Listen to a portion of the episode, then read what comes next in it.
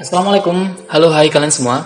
Balik lagi di podcast Denger Gikalam UTS di segmen NBSN Ngabuburit bareng sahabat Nabi. Gimana nih kalian kabarnya? Alhamdulillah ya. Semoga kita selalu jadi hamba pengemis. Iya pengemis. Tapi pengemis yang bermartabat. Yaitu pengemis yang tahu pada siapa dia harus meminta Dan kalau selain itu Dia jaga martabat Ngemis ampunan, ngemis hidayah Dan tentunya ngemis keistiqomahan sama Allah Subhanahu wa taala. Teman-teman, di segmen NBSN kali ini aku bakalan ngajakin kalian buat sama-sama baper dengerin kisah cinta menembus langit. Nah, siapa tokohnya? Beliau adalah Sayyidina Ali bin Abi Thalib radhiyallahu anhu. Nah, teman-teman, Ali sama Fatimah ini teman pas kecil dan pas gede kerasa tuh. Ternyata rasa asik pas main dulu itu ngejelma jadi rasa cinta. Nah tapi pas balik ya udah jaga jarak gitulah. Saling jaga kemuliaan dong tentunya. Aku kasih tahu latar belakang Ali dikit ya. Karena kisah mereka ini kayak kisah cewek tajir sama cowok kere. Ih, kok aku bisa bilang gitu? Iya, karena Ali ini kan sepupunya Rasul. Anak dari Abu Talib bin Abdul Muthalib. Abu Talib tuh kan miskin dan anaknya banyak. Jadilah Ali ini dititipin di rumahnya Rasulullah Shallallahu Alaihi Wasallam. Dan Fatimah ini kan anaknya Khadijah. Ya nggak perlu aku jelasin panjang lebar lagi lah ya. Pokoknya Khadijah tuh kayak raya aja. Coba bayangin gimana perasaan Ali. Suka sih suka, cinta sih cinta, tapi ya kan otak tuh kadang nagih realistisnya kita ya.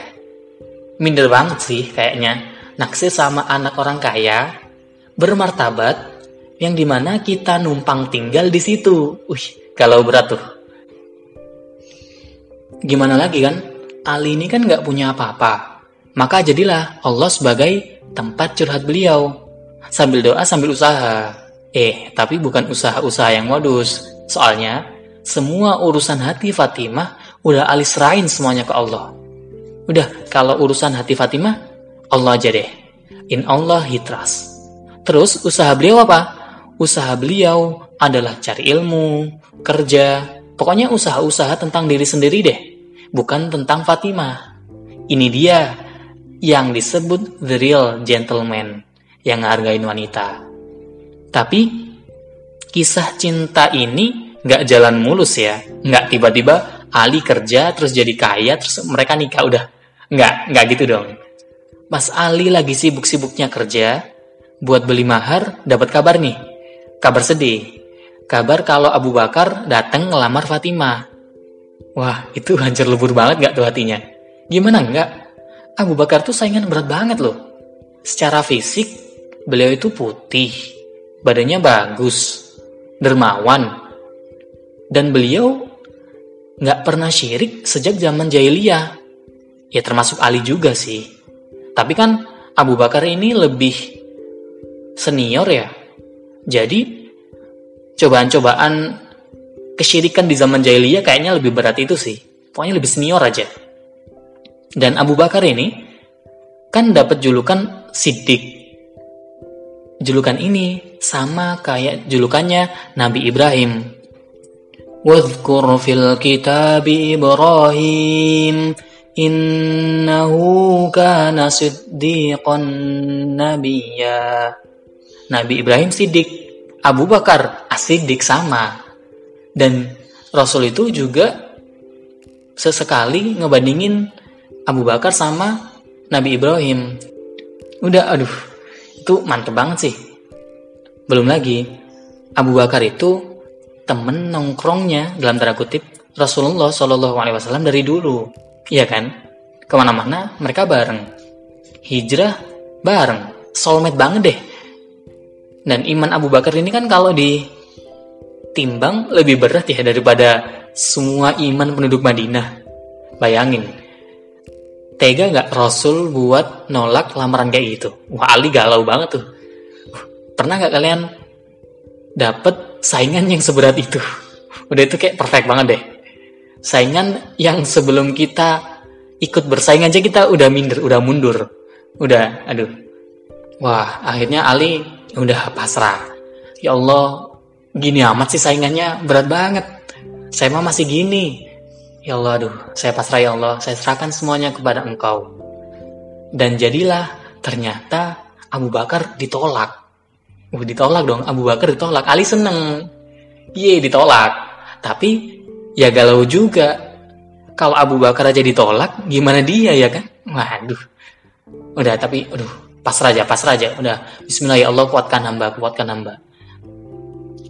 Nah, nggak lama datang lagi kabar. Fatimah dilamar lagi. Sekarang yang lamar Umar bin Khattab radhiyallahu anhu. Uh, ini jawara perang, maconya kebangetan, laki banget deh pokoknya.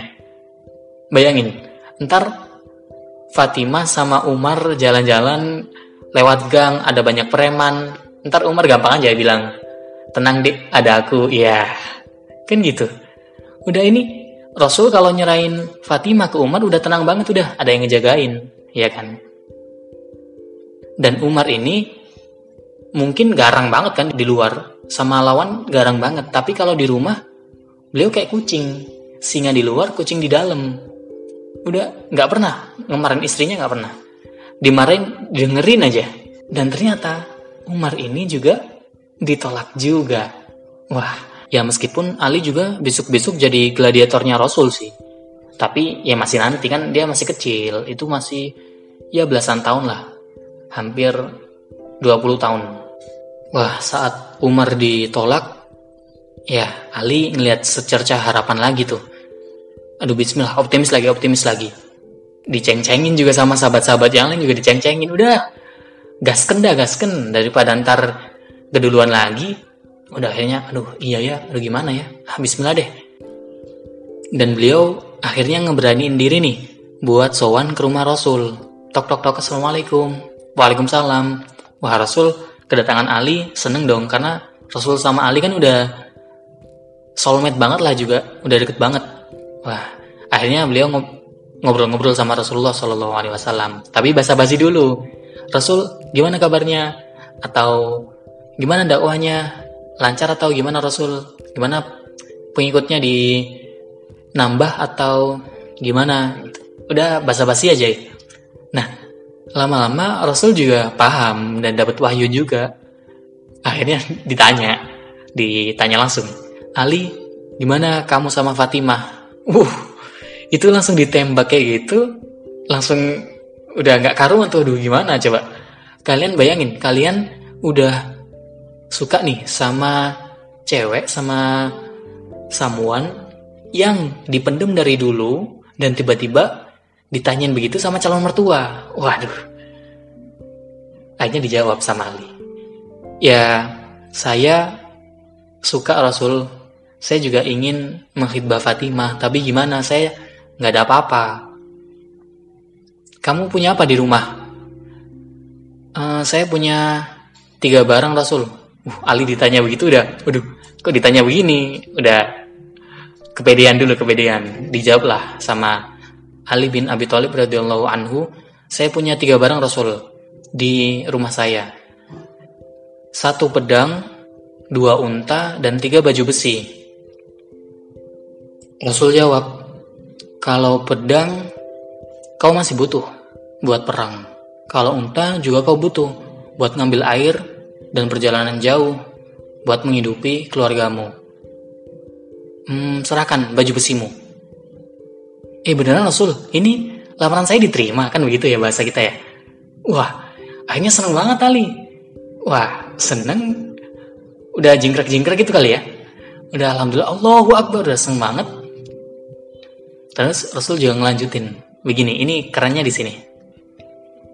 Wahai Ali, engkau wajib bergembira Sebab sesungguhnya Allah telah lebih dulu menikahkan engkau di langit sebelum aku menikahkan engkau di bumi. Itu dia. Dan menikahlah Ali bin Abi Thalib radhiyallahu anhu dan Fatimah binti Muhammad radhiyallahu anha. Wih. Jadi mungkin teman-teman sekarang percaya ya kalau jodoh itu benar-benar di tangan Allah. Tapi gimana ya? Allah itu juga punya SOP punya aturan-aturan gimana ngejemput jodoh yang baik. Soalnya Fatimah tuh juga pernah naksir sama cowok. Itu ngomong ke Ali begini. Wahai Ali, maafkan aku. Sesungguhnya aku dulu pernah mencintai seorang pemuda dan aku ingin menikahinya. Oh, Ali udah, aduh. Jadi maksudnya ini kamu nggak rela nikah sama aku gitu kan? Tapi pemudanya itu kamu, wes. Bahkan konon nih, konon katanya rasa cinta Fatimah ke Ali ini jin sama setan aja nggak tahu. Ngebayangin gimana beliau ini ngejaganya. Nggak ada tuh. Ali lewat, Fatimah ngelirik. Atau di kamar diem-diem sambil nontonin fotonya Ali. Nggak ada tuh. Cerita-cerita begitu tuh nggak ada. Chattingan lama-lama sambil mesem-mesem sendiri udah nggak ada. Nggak ada cerita-cerita begitu. Artinya sebagai seorang wanita, Fatimah ini benar-benar ngejaga rasa cinta beliau dan emang sadar wanita itu tugasnya nunggu. Dan nunggu itu perjuangan loh, iya kan? Nunggu itu perjuangan juga. Yang wanita tugasnya nunggu. Yang cowok tugasnya usaha. Tapi usaha tentang hati semua diserahkan ke Allah Subhanahu wa taala. Teman-teman harus bijak dalam nanganin cinta ini. Karena kita perlu tahu, orang yang lebih berhak kita cintai adalah mereka yang mencintai kita lebih dulu. Jadi kalau cinta kalian yang sekarang nih belum bisa kegapai ini, coba inget-inget siapa yang mencintai kalian lebih dulu. Ada orang tua di belakang kalian. Saat ini, fase ini, kalau kita belum nikah, ya udah. Jatah kita adalah jatuh cinta kepada orang tua kita. Itulah kenapa Allah ngasih cinta meskipun kita belum bisa ngeraihnya karena sebenarnya ada cinta lain yang kita kadang lalai. Gitu aja teman-teman, kisah tentang cinta menembus langit. Semoga kalian bisa ngambil hikmah dan pelajaran tentang kisah ini dan semoga Allah tetap kasih kalian kesehatan terutama telinga biar bisa tetap dengerin dengergi kalam UTS. Oke, gitu aja. Aku Waun pamit undur diri. Wassalamualaikum warahmatullahi wabarakatuh.